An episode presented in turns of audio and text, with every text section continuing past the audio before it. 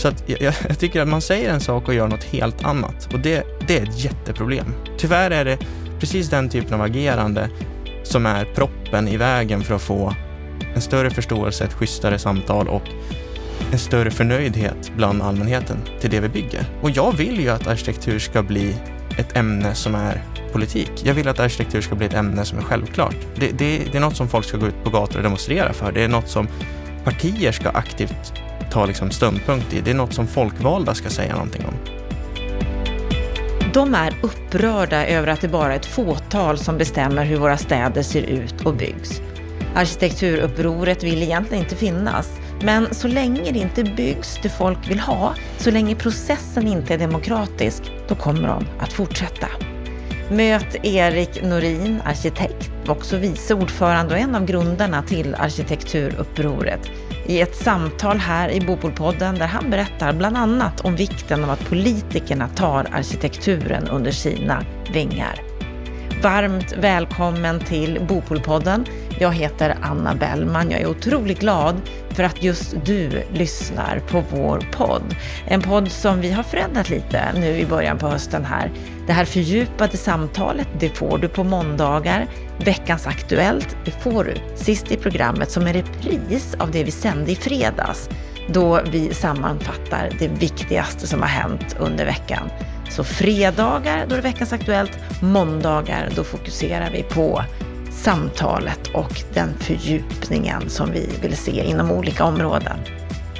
Nu är det dags att släppa lös Erik Norin.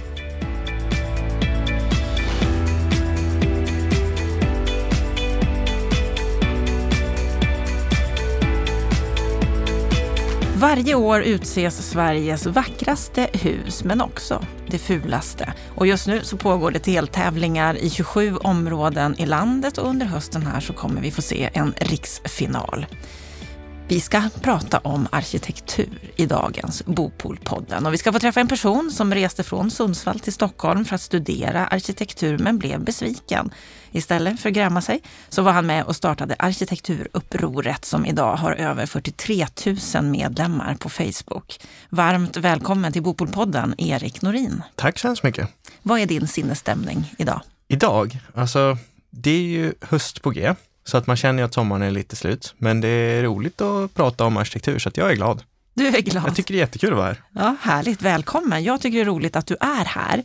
Du är från Sundsvall, Jajamän. bor där, bor i Stockholm, Ja. har studerat till arkitekt på KTH, driver eget idag Yes. och är vice ordförande i Arkitekturupproret som du också var med och bildade. Mm. Hur kom det sig att du kom in på den här banan med Alltså, arkitektur?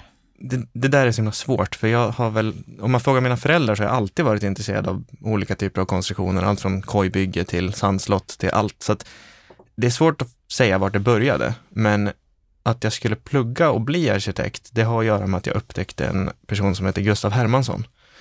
Och han pluggade på KTH i slutet av 1800-talet och fick reda på att det var en stor stadsbrand i Sundsvall. Så att han tog sitt pick och pack och åkte upp och fick rita enormt mycket byggnader efter stadsbranden som byggdes upp då. Och Sundsvall är ju i princip en produkt av Hermanssons arbete. Så att jag insåg ju väldigt snabbt att allt från liksom de stora pompösa fasaderna längs med Storgatan till kyrkan, till missionshemmet, till otroligt mycket byggnader jag har vuxit upp med och tyckt väldigt mycket om, är ritade av samma person. Och han hade ju gått på KTH, så då måste jag också göra det. Så att jag tror att det kommer från någon historisk fascination för just Gustav Hermansson. Mm. Han var speciell. Ja, säkert, alltså han dog långt, långt, långt innan jag föddes, men av det jag läst om honom så eh, han var ju modern. Han, han satt ju liksom sena nätter och skickade ritningar med ilpost med Statens järnvägar för att hinna med till tävlingar här nere och han var en modern människa som hade rinnande vatten och avlopp hemma och han hade centralvärme i sin lägenhet och åkte på semester till Schweiz och spelade krocket uppe i Alperna. Liksom. Så att Mm, han, det är han var, modernt. ja, det, precis. Då var det det i alla fall. Du, jag sa här inledningsvis, han, han gick ju på KTH, då Ja. ville du också göra det. precis. Jag sa här inledningsvis när jag presenterade dig att du blev besviken. Ja, Varför blev du det? troligtvis på grund av att jag hade så höga förväntningar. För jag hade ju läst mycket av det Hermansson beskriver att han fick lära sig. Deras första skoluppgift var att de skulle rita ett grekiskt tempel. min första skoluppgift var att jag skulle dissekera en frukt. Eh, så att det handlar väl om regelrätt okunskap för vad KTH har blivit och vad det är idag. Men det har ju också blivit någon form av, i och med att jag gick in med sådana förväntningar, så kan jag också se vad utbildningen saknar. Och så som jag personligen är lagd så tycker jag att kunskapsöverföring måste bygga på praktiska exempel och efterapning. Det är som naturen, att eh, liksom härma, det är det bästa sättet att lära sig. Och jag saknar verkligen de kunskaperna i utbildningen. Jag tycker att man får alldeles, alldeles för lite faktisk kunskap för att kunna skapa bra arkitektur, vacker arkitektur eller vackra städer. Det du säger är att det är alldeles för låg nivå? Ja, nivån kan man väl diskutera. Man, man, har ju fokus på saker som jag tycker är irrelevant utifrån produkten vi ska skapa. Jag tycker att arkitekten borde vara i folkets tjänst, i samhällets tjänst och att arkitekten är någon form av säkerhetsventil för att det vi bygger, som kommer stå i säkert hundra år, har en viss kvalitet. Och den typen av säkerhetsventil finns inte i utbildningen. Du menar att dagens arkitekter som vi ser i Sverige idag inte har rätt kunskap för att bygga det samhället? Utifrån vad jag tycker är rätt kunskaper, absolut. Du har valt att läsa vidare. Ja, Du har precis. gjort det i Frankrike. Ja, är man mycket bättre där? Nej, det är precis lika illa. Eh, skillnaden är att de har ett, fortfarande kvar lite av den klassiska skolan, men eh, jag tycker inte alls att det är jättestor skillnad. Däremot i USA finns det vissa skolor och i Ryssland finns det vissa skolor som bygger på precis den typen av efterapning. Jag blev totalt liksom euforisk när jag fick läsa första kurserna via University of Notre Dame i Chicago, via Intbau. Alltså där kan man verkligen snacka regelrätt kunskap. Det var liksom penna och papper, full studier i en månad. Och ja, så mycket som jag lärde mig den månaden lärde jag mig inte under fem år på KTH. Om vi tittar då på arkitektkåren, hur skulle du beskriva den i Sverige idag? Tog med mig en liten metafor hit. Jag ska försöka få den att fungera. Eh, det finns något som kallas eh, färgparadox. Om jag säger att jag ser färgen röd och du säger att du ser färgen röd, hur vet vi då att våra ögon ser exakt samma sak? Kan det vara så att det som du kallar rött är för mig det du kallar blått? Eller tvärtom? Precis så känner jag faktiskt i vissa samtal med etablerade arkitekter att vi använder samma ord, vi använder samma vokabulär, men när det visuella tar form, när byggnader som de ritar eller byggnader, projekt som de är med på kommer till stans, så är det inte alls det vi pratade om. Det är som att vi talar olika språk och det grundar sig nog mycket i utbildningen. Det, man är kanske lite stygg om man kallar det hjärntvätt, men eh, jag, jag tror att det finns ett problem i att människor som har genomgått arkitekturutbildning får ett helt annat sätt att bedöma och värdera byggda miljöer än de som inte har det. Och det blir ju ett demokratiproblem på sikt. På vilket sätt då? Nej men, en byggnad som står i en stad upplevs ju av en enorm mängd människor exteriört. Det är tiotusentals, kanske miljontals människor som går förbi byggnaden utanför under byggnadens livstid. Men hur många är inuti den? Hur många uppskattar de konceptuella tankarna och idéerna kring just specifikt den byggnaden? Och demokrati borde innebära att den stora massan, majoritetens uppfattning, borde få styra. Och så blir det ju inte i det här sammanhanget eftersom att det är bara två promille av befolkningen som har gått den här utbildningen, som i teorin då skulle kunna uppskatta den här blåa färgen som alla andra ser som röd. Demokratiproblem, att den stora massan inte får vara med och bestämma. Ja, Vi lever ju i ett demokratiskt samhälle. ja, vi har två säkerhetsventiler för det systemet i Sverige. Vi har marknadsekonomi och vi har demokrati. Men jag tycker inte att någon av dem appliceras på byggsektorn idag. Inte överhuvudtaget. Till viss del, ja, men inte så mycket som vi borde. Om vi tittar på hur vårt samhälle ser ut, alltså det vill säga när det gäller våra byggnader och, och, och de hus vi ser runt omkring oss. Vad skulle du säga? Vad, vad, vad, vad tycker du om det? Alltså jag älskar ju det äldre, det som är byggt innan 1928. Eh, Det, det finns väldigt få byggnader som är gjorda innan 1928 som jag inte uppskattar. Och det finns väldigt få som är byggda efter Och vad är det du 1928. uppskattar med, med de byggnaderna? De tilltalar mig. De, de får mig att bli glad. De intresserar mig. Jag märker att eh, mitt sinne för estetik, mitt sinne för platsbildning, mitt sinne för ro eh, triggas av de här platserna. Det finns en anledning till varför turisterna flockar i Gamla stan och inte i Rinkeby. Vad skulle du säga är felet då med, med dagens arkitektur eller den som har varit de senaste decennierna? Det finns en lång lista jag skulle kunna gå igenom, men det jag vill trycka på är ju framför allt, vi har totalt tappat kunskapen i hur vi utformar estetiskt sköna miljöer. Vi har tappat bort den kunskapen. Och den har försvunnit i samband med ökad massproduktion. Den har försvunnit i samband med ökad monotoni. Ta exempelvis miljonprogrammet som alla i princip klankar ner på. Det är ett gott exempel. De flesta miljonprogramsområdena är inte stora betongklumpar, utan det är villaförorter. Och de pratar vi sällan illa om. Men problemet blir ju när man bygger för mycket, för stort och för samma. Men har vi inte lärt oss av miljonprogrammet ändå? Uppenbarligen inte. Vi tycker du det byggs ju. miljonprogram idag? Absolut. Det finns så många exempel på helt nya miljonprogramsområden. Alltså, det är liksom varenda svensk kommun håller på med ett punkthusområde långt utanför stan. Eller det är inte ens, det är inte ens modernistiska punkthus som stod i en park, utan det är ju punkthus på en parkeringsplats. Vi har absolut inte lärt oss, varken när det kommer till stadsplanering på kommunal nivå, när det kommer till estetisk utförande och när det kommer till liksom ingenjörskapet i byggnader. Framförallt inte bostadssidan. Det, det tycker jag inte. Man hör här att du är lite upprörd.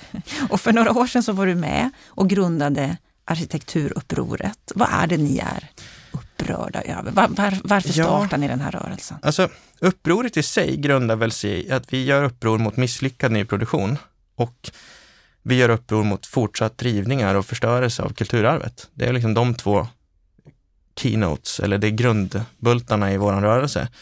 Det, det är ju det är ett missnöje, det är ett uppror och det är en protest. Men det är också konstruktivt. Vi, vi har ju som mål att skapa debatt. Vårt mål är att fler människor ska prata om de här sakerna på fler ställen. Framförallt uppe i liksom högsta politiska rummet, men även över middagsbordet.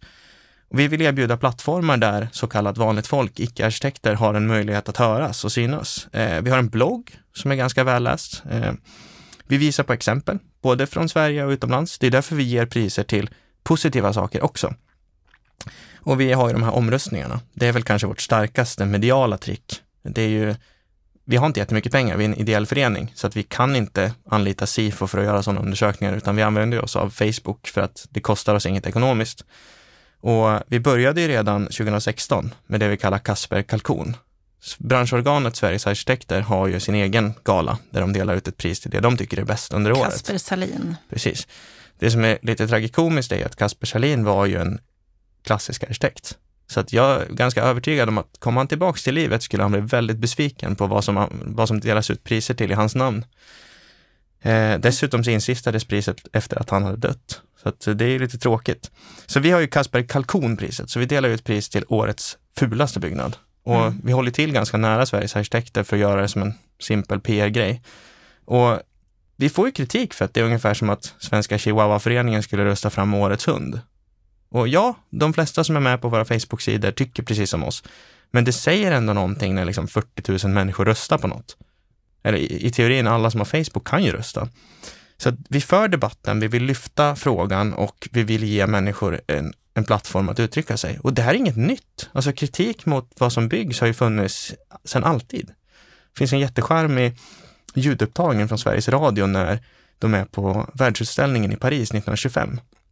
Då står reporten och gör ljudtest och så dyker det upp en jätteglad i hågen svensk kvinna som jobbar som piga i Paris som uppmanar dem till, kan ni inte ta upp det här om att man bara bygger sådana här smörkartonger? Det är så tråkigt och fyrkantigt och vitt. Det är alltså hundra år sedan. Så att diskussionen och kritiken har funnits länge. Det vi har gjort är att vi har tagit den ut på sociala medier.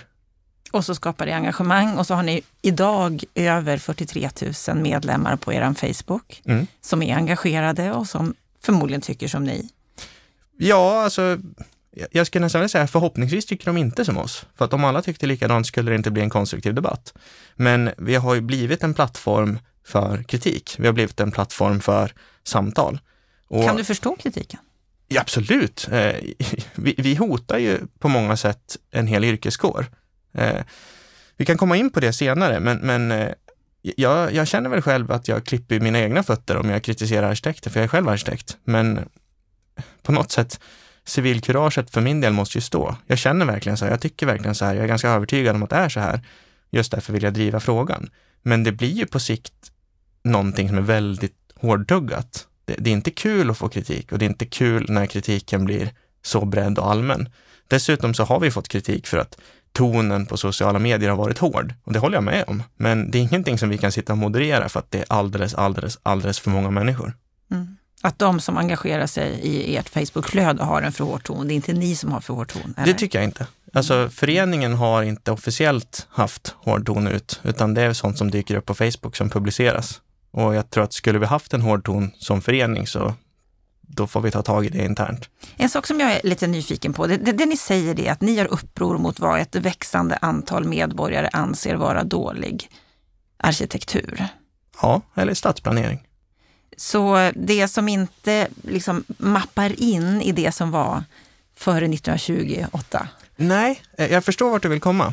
Det är absolut inte så att vi säger att allt som byggs nu måste vara gammalt, eller måste se ut som något gammalt, eller måste forma sig som det gamla, utan det handlar om evidens. Vi vet de facto av forskning, av statistik och av marknaden att det som uppskattas, det människor vill ha, både när det kommer till vad de faktiskt aktivt väljer, men också vad de säger, det är miljöer som är skapta innan 1935. Det är intressant, för jag kan inte komma på någon annan bransch. Ta bilbranschen. Om Volvo släppte en helt ny bil och de ändå inte lyckades sälja den för samma pris som en bil som kom ut 1920, då skulle de ha problem. Men när det kommer till den byggda stadsmiljön, då är inte alls det ett problem tydligen. Och det finns så otroligt mycket studier. Alltså jag uppmanar er som lyssnar, sök runt och kolla, för det som Sveriges arkitekter själva säger, det som Gert Wingård senast sa i P1 med debatt med mig, det stämmer inte. När folk betalar för sina bostadsrätter, oavsett om det är Pajala, Vuollerim, Sundsvall eller Stockholm, det som kostar, det är det som är byggt mellan 1870 och 1912. Alltid. Även om de står på samma gata. Det kom ut en jättespännande artikel som hade en, en skön vinkling på det. Hur får man ett extra rum gratis i Stockholms innerstad? Köp lägenhet i ett hus från 1960-talet. Så stor skillnad är det på kvadratmeterpriserna. Det kan vara på samma gata. Så att det handlar verkligen om... Så det som folk efterfrågar menar du, det är det som är det gamla? Ja, och det, de, det efterfrågas inte de facto för att det är gammalt. Det efterfrågas för att det är kvalitativt. Det är högt i tak, det är rejäla material, det är vacker estetik, det är vackra fönster, det är parkettgolv, det kanske är en kakelugn. Alltså, när jag var på den här uh, ungdomsbostadsmässan så blev jag så glad för att det hade träglats på väldigt länge inom branschen. Så här, vad, vad, vill de nya studenterna ha? Vad, vad är framtidens stad? Vad vill ungdomen ha? Vad efterfrågar de? Och när det kom någon som faktiskt hade koll på statistiken så sa hon att men de är precis som oss. De vill också bo i sekelskifteslägenheterna mitt inne i stan, som alla andra. Det är inget konstigt. Liksom, vi, vi, vi vill likadant.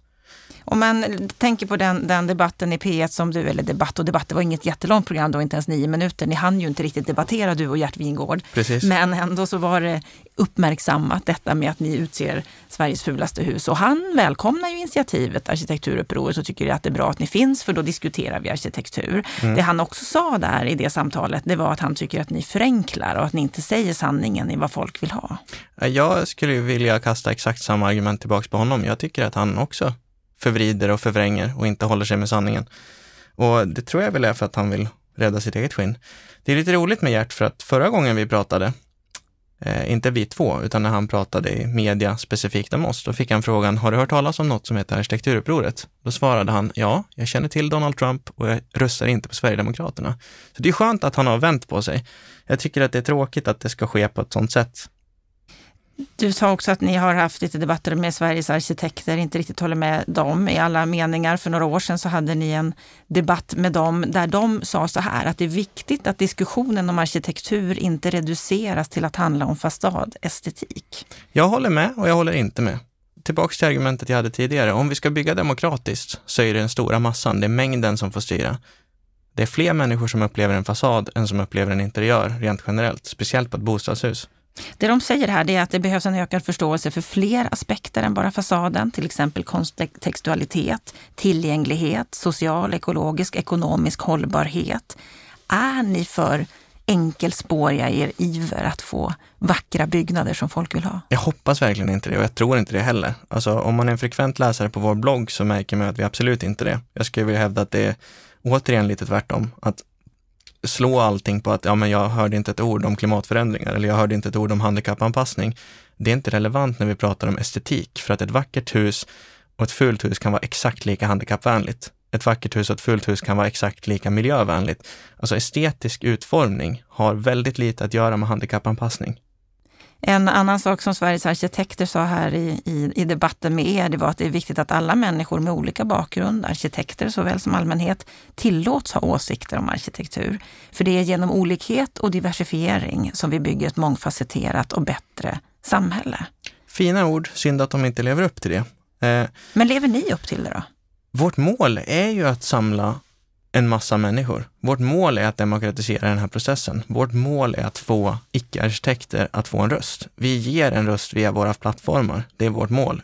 Utan det så hade vi inte behövt finnas. Det, Vad det är, är det du ser framför dig? Hur skulle du vilja att det var i ett, i ett drömsamhälle? Ja, först och främst så skulle jag önska att branschorganet Sveriges arkitekter faktiskt kryper till korset. Alltså, de ord du precis sa här, alltså det finns otaliga exempel på när politiker, alltså folkvalda representanter av vår demokrati, driver igenom någonting. Ta Upplands Väsby här i Stockholm, som skrev i sin detaljplan att de ville ha klassisk arkitektur, eller Socialdemokraterna i Göteborg. De vräks ju ner av hån, av förminskningar och allmän kritik av representanter för Sveriges arkitekter. Göt eh, vi har ju Växjö, när Björn Sunderby i ST Group skulle bygga ett stort kontorshotell. Alltså det blev ju en kritikstorm av dess like. Om man nu säger att man ska ha den här grundbulten, att man ska ha ett diverst samtal, att man ska bjuda in många av olika bakgrund och inte bara icke-arkitekter, då kan man samtidigt inte vrålkritisera så fort det är någon som inte är arkitekt som vill göra något. Jackriborg mellan Lund och Malmö. Precis samma sak. Gång på gång på gång så är det representanter för Sveriges arkitekter som verkligen trycker ner demokratiprocessen, som trycker ner den majoritetsbeslut. När det har varit omröstningar i lokaltidningar eller omröstningar i liksom stadsbyggnadskontor, när, när de folkvalda får rösta på saker. Till och med då försöker man vrida resultaten. Senast Lorensberg i Göteborg, när en tidigare vice ordförande, Albert Svensson, eh, alltså i arkitekturupproret, har gjort ett helt fantastiskt projekt i Lorensberg, centrala Göteborg. De har haft enorma problem med att få igenom det. Så att jag, jag, tycker att man säger en sak och gör något helt annat och det, det är ett jätteproblem. Tyvärr är det precis den typen av agerande som är proppen i vägen för att få en större förståelse, ett schysstare samtal och en större förnöjdhet bland allmänheten till det vi bygger. Och jag vill ju att arkitektur ska bli ett ämne som är politik. Jag vill att arkitektur ska bli ett ämne som är självklart. Det, det, det är något som folk ska gå ut på gator och demonstrera för. Det är något som partier ska aktivt ta liksom ståndpunkt i. Det är något som folkvalda ska säga någonting om. Så att jag hoppas att ämnet arkitektur, ämnet stadsplanering ska bli mycket mer självklart inom demokratiprocessen. Och vad behöver förändras då för att det ska komma dit? Politiker behöver ta ställning. Folkvalda behöver ta ställning. På vilket sätt? Genom att kort och gott skaffa en agenda. Jag vill veta vad Moderaterna i Sundsvall har för stadsplaneringspolicy. Jag vill veta vad Socialdemokraterna i Göteborg har för policy kring arkitekturfrågor. Jag vill veta vad Centerpartiet i Växjö har för idéer. Alltså, det spelar liksom ingen roll, men, men det måste bli ett, en fråga på agendan som är lika självklar som sjukvård eller ekonomi eller lokaltrafik. Eller, det, det måste, vi måste lyfta den frågan. Det måste bli något som debatteras. Inte bara vara förbehållet en yrkeskår, Absolut. som du menar att det är idag på grund av att man slåss ju för att ha det monopolet med näbbar och klor. Så fort det är någon som hotar dominansen, så fort det är någon som hotar monopolet, så bara vräker man ur saker. Det, det är liksom elitism mot populism, demokrati mot liksom den upplysta despoten. Kalla det vad man vill, men problemet är ju att när den här typen av branschorgan blir hotat, det är naturligt att känna att jag har utbildning, jag kan det här, jag vet mycket mer än dig, därför borde jag få bestämma. Men det är inte bara arkitekter som påverkas. Till skillnad från en tavla eller ett musikstycke. Tavlan kan du flytta relativt enkelt och musiken kan du sänka eller höja eller stänga av. Den byggda stadsmiljön, våra gemensamma offentliga rum, står väldigt, väldigt, väldigt länge. Då är det viktigt att de är väl förankrade i allmän uppfattningen. Och där hänvisar du till detta med att det är 75 procent som vill ha den mer klassiska ja, alltså, arkitekturen. Alltså, ta SIFO hade en undersökning för något år sedan där de röstade fram, alltså statistiskt organ, tio vackraste byggnaderna i Sverige. Nio av dem var byggda innan 1930. 90 procent. Eh, 2016 när vi hade vår stora omröstning Kasper Kalkon så blev det ju jättepoppis i lokaltidningar över hela Sverige att ha omröstningar. Jag har läst 20-talet sådana. I min kära hemstad Sundsvall så skrev ju Sundsvallstidningen sån. Då var det en villa från 1880-talet som vann, självklart. Den rivs idag. Petersvik. Att det finns ju liksom oavsett vart vi är i Sverige så är det en övervägande majoritet som verkligen aktivt trycker på det här när man blir tillfrågad. Eh, Adam Architecture i Storbritannien anlitade opinionsinstitutet YouGov för att göra en sån studie, där de tog fram bilder på arkitektur och man ställde frågor såsom vilket av de här husen vill du helst bo i? Vilket vill du helst passera på vägen till jobbet? Vilket vill du helst se ut genom det fönster? Där har vi siffran 77. 77 procent föredrog traditionell arkitektur. Och då var det dessutom nyproducerad arkitektur på bilderna. Så det handlar inte om att den är gammal, det handlar om att den har en annan typ av estetik. Det var inte det att de hade valt bilder då som eh, var mer Man kan absolut för den kritisera klassiska? för det, men nu var det ju ett opinionsinstitut som heter YouGov som gjorde undersökningen, så då får man ju kritisera opinionsinstitutet. Samma sak som man kan kritisera SIFO. Det intressanta är att man kan gå djupare än bara statistik. Man kan gå in på forskning. Och det mest intressanta tycker jag är Eye Tracking Studies och den gjordes av Anne Sussman. Eh, hon har skrivit en bok som heter Cognitive Architecture 2015. Och de har gjort så att man har låtit massa människor sitta och titta på bilder på arkitektur. Hundratals bilder. Och under tiden så har de en skanner som läser av hjärnan och ögonens aktivitet. Det intressanta med det här, det är att det är alltså biologiskt omedvetet. Det är något vi inte kan kontrollera. Det är något som sker i vår reptilhjärna, hur våra ögon rör sig när vi tittar på en bild. Och den här studien är väldigt tydlig, för den kommer fram till tre saker. Ett, vi struntar fullständigt i tomma fasader. En blank glasvägg intresserar oss inte, vad du än säger. Din biologiska klocka i hjärnan intresserar sig inte för det. En obehandlad liksom vit putsvägg, en tom tegelgavel, det är inte något som vi tittar på, det är inte något som intresserar oss. En annan sak som den här studien konstaterar är att det våra ögon fixerar på, det är det som driver vårt beteende i staden. Det är det som avgör om vi går på McDonalds eller om vi går på Burger King. Det är det som avgör om vi går på höger eller vänster sida gatan. Det är ögonens första fixeringspunkter som avgör hur vi agerar. Och det är jätteintressant när man planerar för städer. Vi, vi attraheras av detaljer som våra ögon kan fastna på. Det är det vi, som styr vår, vårt beteende och vår uppskattning av stadsmiljön. Och tredje, människor söker människor. Det första barnet söker är sin moders blick. Det första människan söker i stadsrummet är ansikten. Andra människor, men också byggnadens ansikten. Be en femåring rita ett hus. Då ritar de en stuga med en dörr som är munnen, två fönster som är ögon, en liten skorsten och en hatt. Det första associativa poängen i en byggnad att läsa en fasad, det är om vi kan se ögon. Det är om vi kan se en mun, ett ansikte. Hur ser det ansiktet ut? Är det ett positivt ansikte eller ett negativt? Kolla på valfri byggnad från innan 1920. Du kommer se ett ansikte någonstans och du kommer bli glad när du ser det. Det är ren biologi. Samtidigt så visar ju de här undersökningarna nu, forskning som du, som du hänvisar till, att alla tilltalas inte av den klassiska arkitekturen, vill inte bo eller vill inte gå förbi, utan vi, vi har ju människor som uppskattar det Absolut. moderna också. Behöver vi inte ha den här mångfalden i vår stadsmiljö? Självklart. Och det där begreppet, modernt, är ju så himla berövat. Det är bara för att man kallar det modernism. Alltså modernt är inte synonymt med glaslådor. Modernt betyder bara att något är samtida. Modernt betyder att något görs just nu.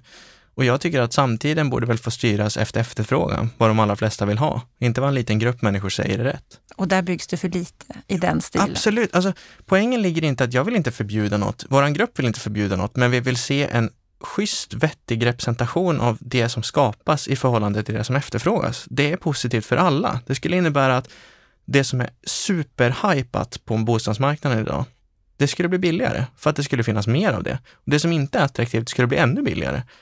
Och på så sätt skulle vi sprida behovsbilden. Inom vilken annan bransch som helst, om röda brödrostar är superattraktivt, då producerar man mer av dem. Det gör vi inte idag. Vi lyckas inte, vi är inte ens i närheten.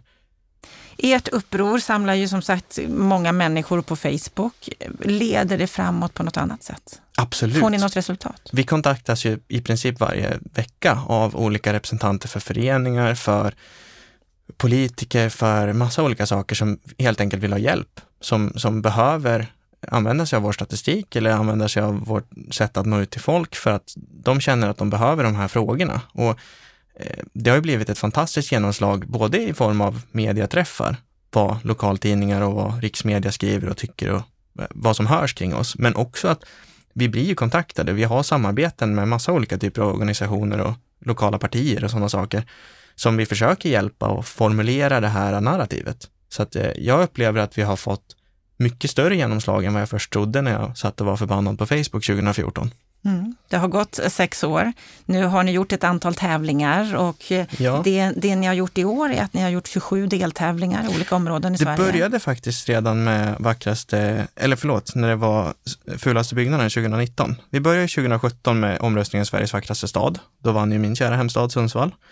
Eh, Så hade vi också Sveriges finaste nyproduktion 2017. 2018 så hade vi Sveriges fulaste stad. Jag tror inte det var någon som missade att det var Borlänge som vann. Jättedebatt.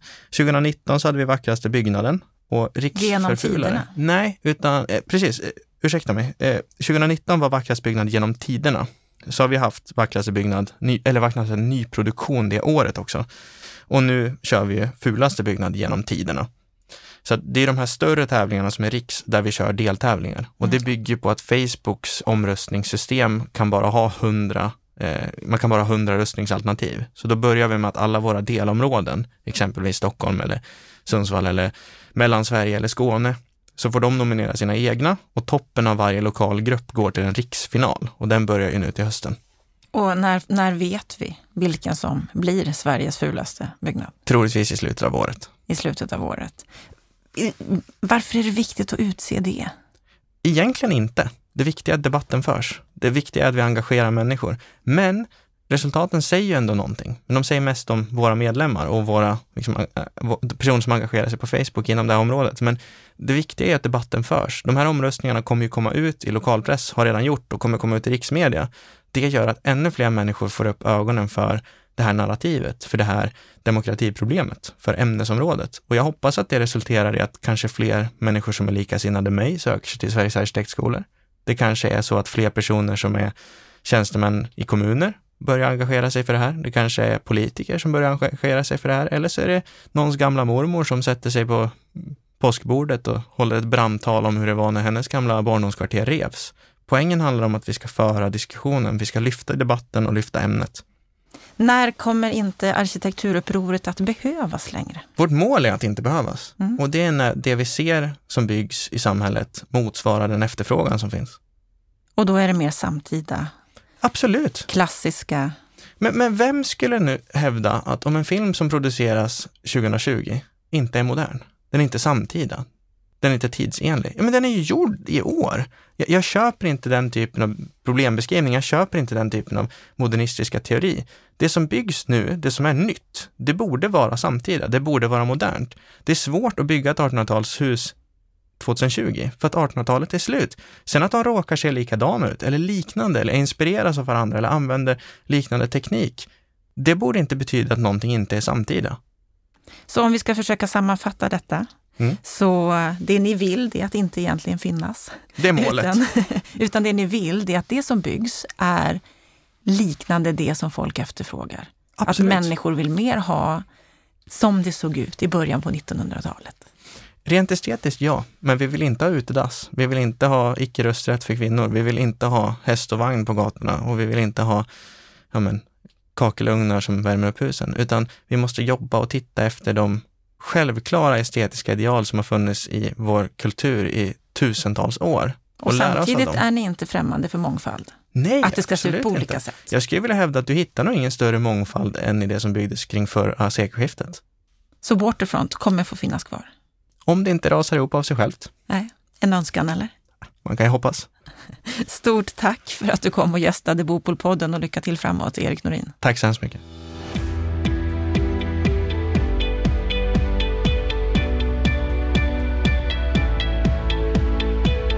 Då har vi hört samtalet med Erik Norin. Ja, Stefan Attefall, vad säger du om det här samtalet?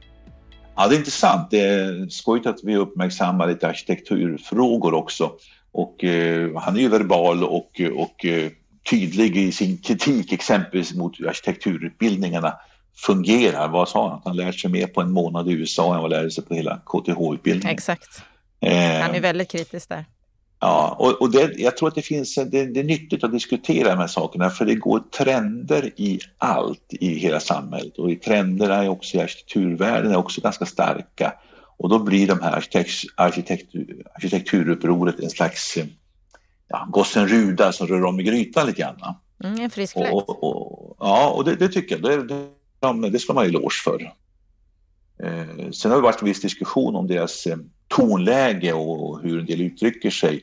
Och, han säger ju att de själva inte uttrycker sig i alltför hårda ordalag och så, men han kan inte ta ansvar för alla följare de har. 43 000 vad som är med i den här Facebookgruppen.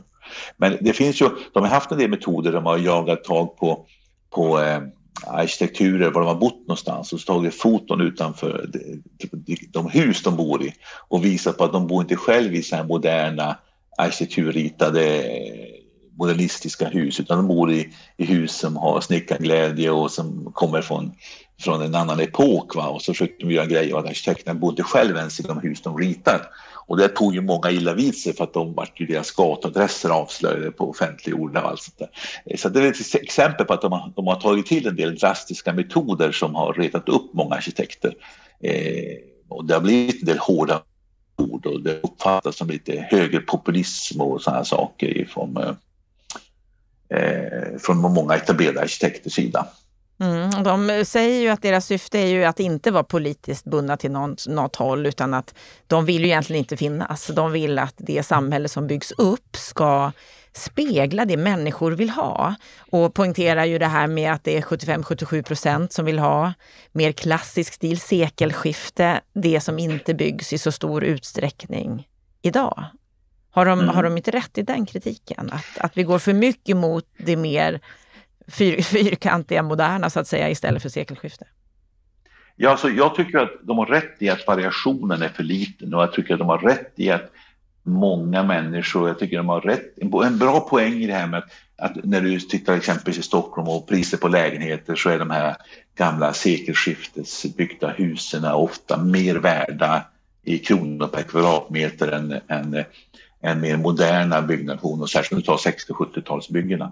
Eh, de har rätt i att folk uppskattar den höga takhöjden och stuckaturerna och, och eh, den karaktär på hus som de här kåkarna har.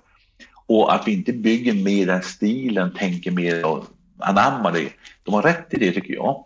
Sen tycker jag att det här med att massan alltid ska bestämma, om 75 procent vill ha det så ska allt byggas så det är kanske inte heller riktigt poängen. För det måste och det vill de ju inte ha heller, sa han. De vill också ha variation, Nej. men de vill att ja. mer ska vara i den stilen. Ja, och, det, och det, det, tycker jag de har en poäng i, att, att man borde lyssna in lite mera hur folk resonerar. Och, men det här är ju, alltså jag tror att du har, du har, du har en trend som går genom arkitekturkåren, internationella trender och sen så springer alla efter samma boll lite grann. Va?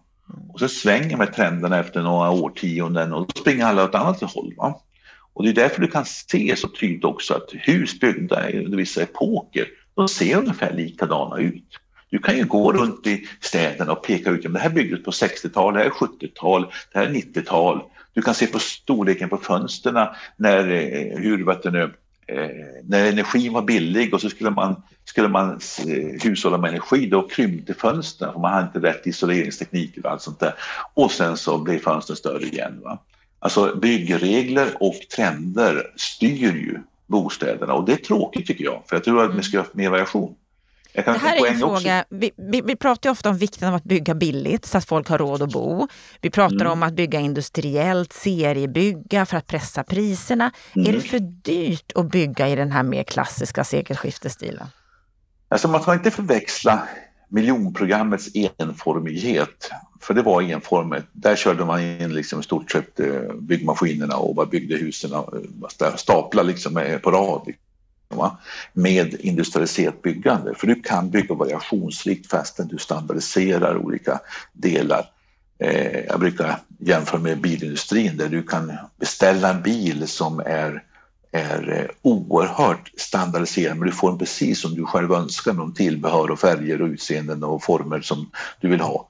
Men det är världens kanske mest standardiserade produkt egentligen. Men det sätts ihop på lite olika sätt. Och jag tror att det är där som framtiden ligger, alltså att bygga mera standardiserat, mycket mera industri, industriellt byggande, men sätta ihop det på ett spännande sätt. Och, och då skulle vi kunna få den här stilen som de vill se mer av? Det kan, det, det, det kan, stilen kan bli olika, det, det, det styrs inte av det. Men, men vem är det som poäng, styr de här frågorna? Jag, jag, jag, det finns en poäng i att Idag så bygger vi oerhört mycket av husen på plats, alltså utan standardisering och ändå blir husen så lika. Mm. Alltså det är bara att gå och titta, om jag får lite stygg och säga, norra Djurgårdsstaden. och tittar i de kvarteren där som är byggt ganska nyligen, ett nytt område, det blir ganska likartade fasader och, och karaktär på många av de här husen. Och titta på alla nyproducerade områden. Så att jag håller med om att det skulle behövas mycket mer variation. Och här tror jag faktiskt att, att politiken styr ju inte det här utan det blir en slags trend, arkitektkåren. Så det är eh, arkitekterna som styr? Som styr? Ja, och planerarna och vad som är kostnadseffektivt i någon slags stadsplanerings och byggmässig mening. Och byggföretagen bygger ju det som, ja, det här verkar ju man köpa där, då bygger vi samma sak där. Va? Alltså, Erik efterfrågar det är fantasilöshet också. Ja, Erik efterfrågar ett större engagemang ifrån politikerna. Ja, ja det, det tycker va, jag. Vad säger du om det? Hur, hur, skulle det se ut? Hur skulle politikerna kunna steppa fram här? Ja, men dels så att man har en diskussion om hur, riktlinjer till sina och dialog med sina, sina tjänstemän kring hur vi vill bygga vår stad, vilken karaktär det ska vara. Inte, alltså, de flesta kommunpolitiker vill ha fler bostäder och sen så säger man ja men här kan vi bygga bostäder och så, bygg, och så säger man jaha, ta fram ett förslag och så kommer byggföretagen, arkitekterna och stads, stadsplanerarna med sina, sina standardiserade lösningar. Istället för att eh, ta och, eh, och fundera på vad är det för karaktär vi ska ha här? Vad är det för eh, mångfald vi ska ha här? Och släppa fram fler krafter och eh, kräva mer variation och kanske också i politiska riktlinjer säga att vi här vill vi ha mer av variation, här vill vi ha mer olika stilar. Och jag tror att en mycket mer aktiv diskussion bland politiker och tjänstemän på stadsbyggnadskontoren skulle göra att vi fick en mycket mer variation, mycket mer liv och mycket mer bredd. Men den saknas ju många gånger. Alltså man diskuterar inte de här sakerna i stadsbyggnadsnämnderna i så hög grad. Mm. Utan politikerna är ganska passiva vill jag påstå och förstår inte eller tycker det är svårt. Och, och så kanske det finns många gånger bland starka tjänstemän också som, som har bestämda uppfattningar och, och så. Mm. Så vi kan säga att arkitekturupproret de har som du menar då, rätt i sak. Politikerna borde ta ett större ansvar här. Ja, på den punkten har de rätt. Ja. Mm. Tror du de att borde... de kommer att eh, komma framåt i den här frågan så att de till slut alltså, krävs? Det, stor, det stora fördelen med arkitektupproret är att de faktiskt har fått arkitekturdebatten att komma igång. De har retat upp en del, de har säkert gjort en del övertramp, eh, inte minst en del efterföljare. Eh, men, men de har fått igång en diskussion. Det har blivit mycket mer diskussion om vad bygger vi, hur bygger vi, hur ska det se ut i våra städer? Och där har de gjort en välgärning. Eh, och så har de använt lite antal lite populistiska metoder med, med, med Kasper Salin eh, kalkonpriset här och mm. Kasper kalkon och, och, allt det här. Och det, det är en kul grej. Jag har sett en del av de här bostäderna. De har ju valt eh, fotovinkeln från ett håll som ser hemskt ut och så kanske på andra sidan huset så ser det helt annorlunda ut. Så att, eh, lite populism, lite, lite, lite eh, Men om man lyfter blicken ovanför den här typen av enskildheter som man kan diskutera så har man ändå fått igång en diskussion, ett engagemang. Eh, det som är farligt nu, va, om vi går tillbaka till partipolitiken, det är ju att det här ockuperas av vissa partier. Jag vet att SD har försökt göra någon grej av att de skulle stå för någon slags klassisk arkitektur som arkitekturrådet har och att vissa politiska partier och andra säger då att det här blir fult att prata om det här därför att då skulle man lukta SD. Och så får man en sån diskussion istället för att alla partier diskuterar hur, vad vill vi med vår arkitektur i vår stad? Eh, vi behöver märkesbyggnader. De byggnader vi tittar på idag när vi går runt och kikar i, i gamla städer och det är ju byggnader som byggdes då som utmärkte sig på den tiden och vilka byggnader ska utmärka sig idag? Men samtidigt behöver vi också bygga enklare för att också ha, få ner kostnader. Vi måste få mer variation mm. och inte bara bygga likadant överallt. Och det finns en sån tendens tycker jag i, i, i Sverige. Vi bygger lite för lika. Politikerna behöver ta ett större ansvar här. Det är bra att arkitekturupproret finns och rör om i grytan, men om det leder framåt, ja det får vi ju se, för debatten den finns. Mm. Stort tack, Stefan Attefall. Då har vi hört samtalet med Erik Norin och Stefan Attefalls kommentar. Och nu ska vi sända en repris av veckans Aktuellt som vi sände i fredags. Som alltså berör det aktuella som har hänt under veckan. Du får det här igen.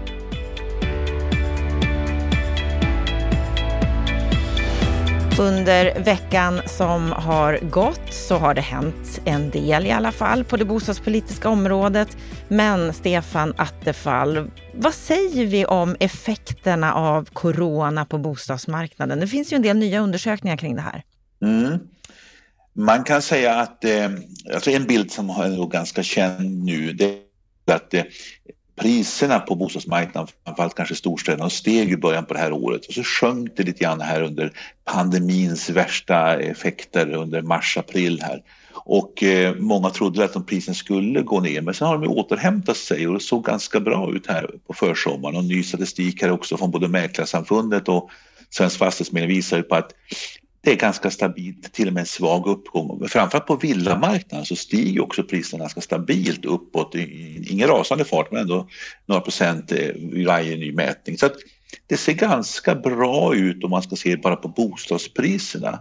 Nu, nu kan man ana här åtminstone i Stockholm att det, det börjar vara ett ganska stort utbud av lägenheter. Många har kanske väntat med att släppa ut sin lägenhet på försäljning.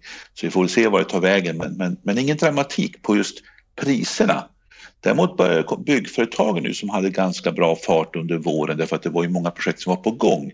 De börjar märka nu hur projekt försenas. Det gjordes en ny undersökning som kom alldeles nyss nu ifrån byggföretagen som säger att sju av tio byggföretag upplever att byggstarterna blir uppskjutna och försenade på olika sätt och 55 procent av de här undersökta företagen, jag tror det är 629 företag de har frågat, de talar om minskade orderingångar. Så nu börjar effekten komma lite grann av vårens osäkerhet. Och vad det här tar vägen, det, det får vi se, men, men, det verkar som att det börjar bli lite reala effekter på just byggsektorn. Ja, lugnt då, under våren och sen blir det värre nu. Hur pass ja. Hemskt, och det är ju långa ledtider många gånger. Va? Mm. Ja, det är ju svårt att bedöma. Eh, tittar vi på nyproduktionen av bostäder så kom SCB här bara för några dagar sedan med nya siffror. Och det ty tyder ju på att vi har fått en ökad nyproduktion under första halvåret. Men det verkar vara mest hyresrätter som har ökat och det kan vara en effekt av att vi hade ju den här osäkerheten, de nya reglerna för investeringsstödet till hyresrätter. Det kom vart väl klart om jag kommer ihåg nu i februari och det fanns ett antal projekt som på något sätt låg och väntade. Det kan vara en del sån effekt. Det intressanta med den statistiken är ju att hur småhus framförallt upplever en kräftgång. Alltså de har på något sätt aldrig fått någon uppgång som flerbostadshusbyggare har fått sedan, sedan förra finanskrisen. Eh, och nu börjar de tappa ännu mer och även bostadsrättsutvecklarna upplever det lite kärvt och en del projekt blir, då, blir till hyresrätter och en del projekt skjuts upp. Så att vi märker på vissa delar av nyproduktionen så, så, så kärvar det och, och som har koppling mot, mot pandemin och osäkerheten och så. Men eh, det är ingen, ingen eh, ska säga, dramatik på den sektor som rör bostadsmarknaden. Det är ju en helt annan dramatik sen på de här som håller på med kommersiella lokaler i form av kontor och, eh, och affärslokaler. Och hur skulle du eh, säga att dramatiken ju, ser ut där? Ja, där är ju, där är ju särskilt vissa typer av fastighetsbolag har ju kämpigt så har man ju fått självklart stöd från staten. Jag tror jag läste en artikel nu att hur en tredjedel av allt stöd till, till eh, butiker och, lokaler som staten betalar för hyresstöd har gått till NK-butikerna i Stockholm. Eh, alltså av det stöd som utbetalas i Stockholmsregionen. Eh, alltså, de här lokalerna har ju kämpigt alltså och haft det kämpigt. Även om de har upplevt en bättre sommar säkerligen. Så, och där tror jag vi kan få strukturella förändringar också. Alltså, företagen börjar fundera på, ska vi ha så stora kontorsytor? Folk kan jobba mer hemifrån. Ehm, jag tror att där, får, där kommer du få direkta effekter på hela marknaden, alltså man måste tänka om lite grann. Mm. Eh, logistikfastigheter däremot kanske till och med fått uppsving för att vi beställer mycket mer på nätet idag. Och logistik eh, blir en viktig faktor och det säger också lastbilsbranschen, den rullar på bra medan personbilstrafik, äh, persontransporter har det kämpigt. Så det, det rör på sig så att det kan få sådana strukturella förändringar. Men eh, det är framförallt de här som håller på med kommersiella fastigheter som upplever nog en större coronaeffekt än de som håller på med bostäder. So far. So far, ja. Vi får se, för det kommer som du säger förmodligen bli ganska stora förändringar på sikt. Sen har vi en annan sak som hänt här i veckan. Det har kommit en rapport där det framkommer att Byggnads stämmer ett betongföretag. Ja, just det.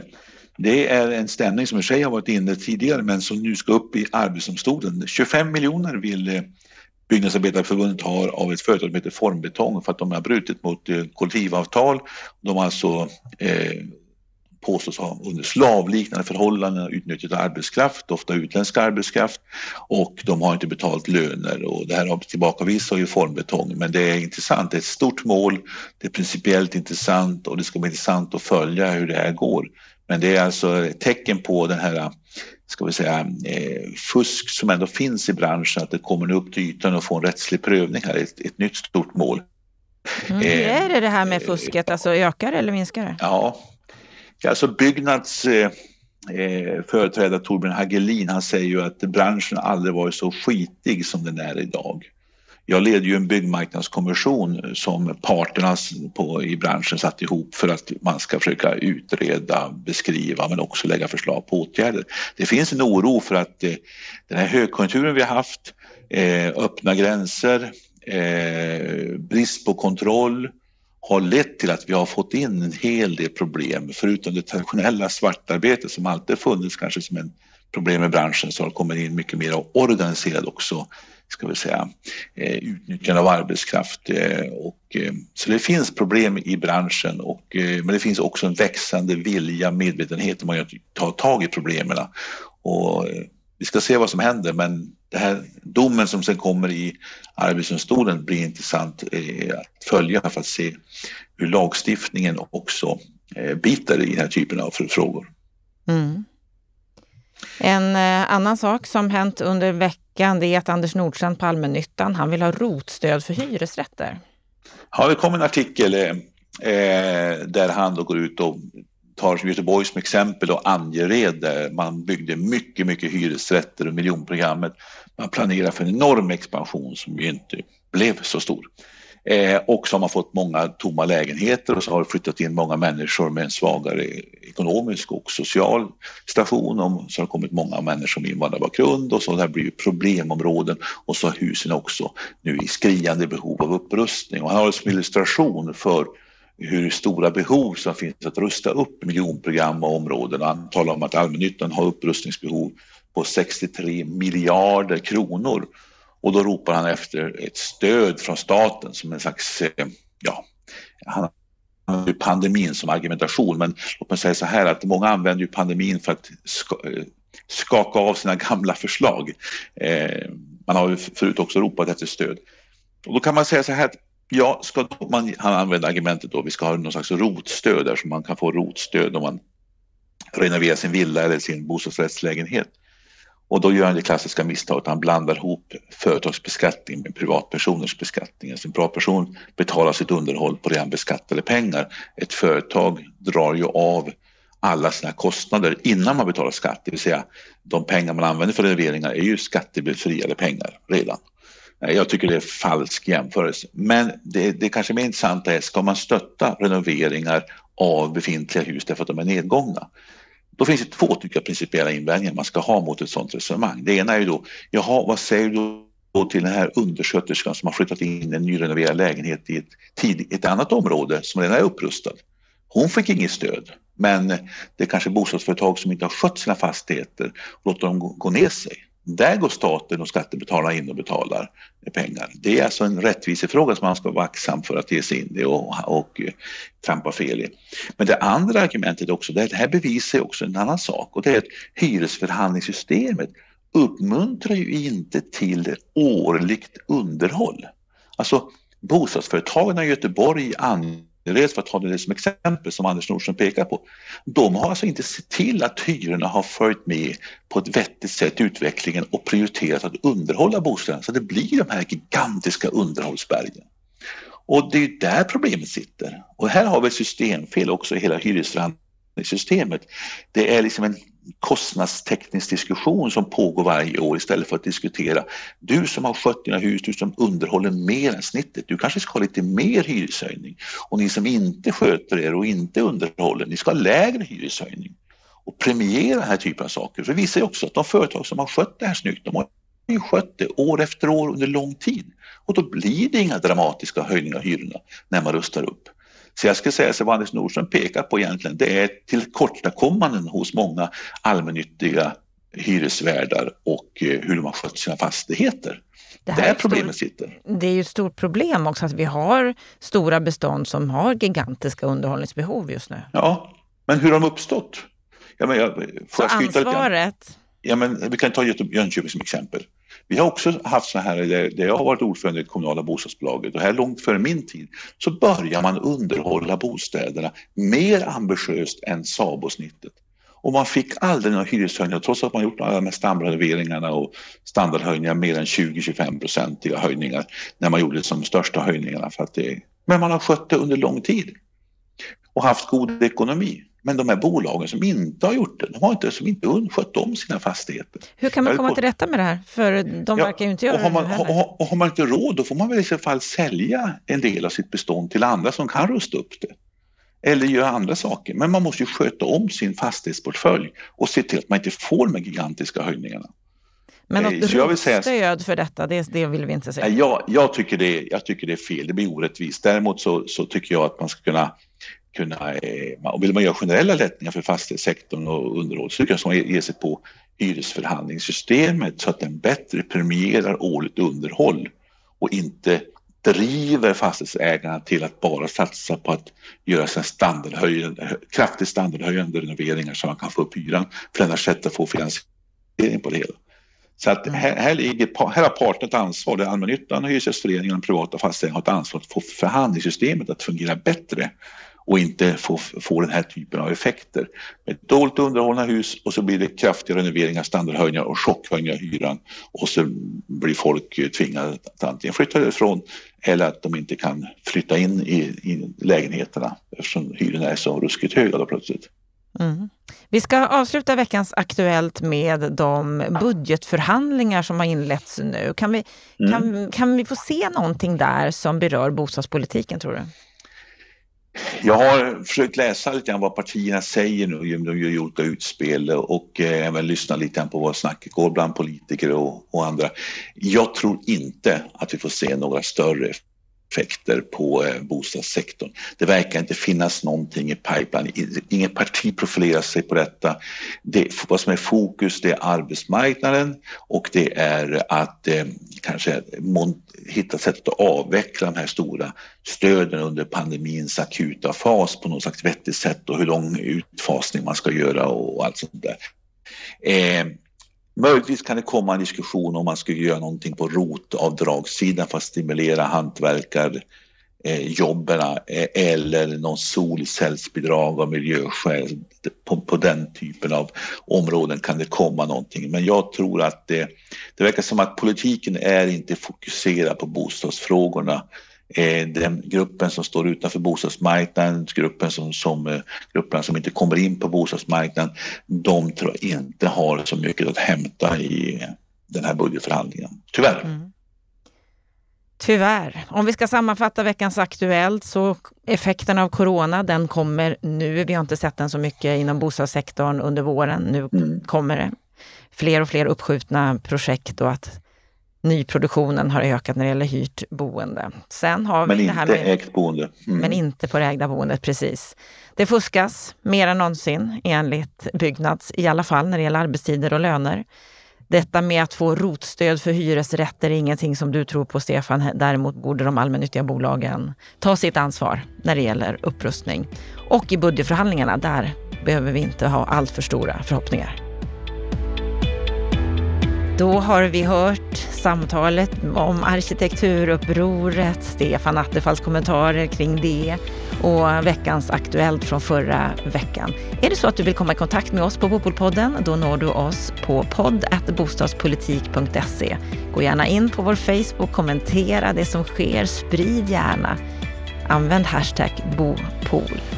Med det så önskar jag dig en riktigt härlig vecka.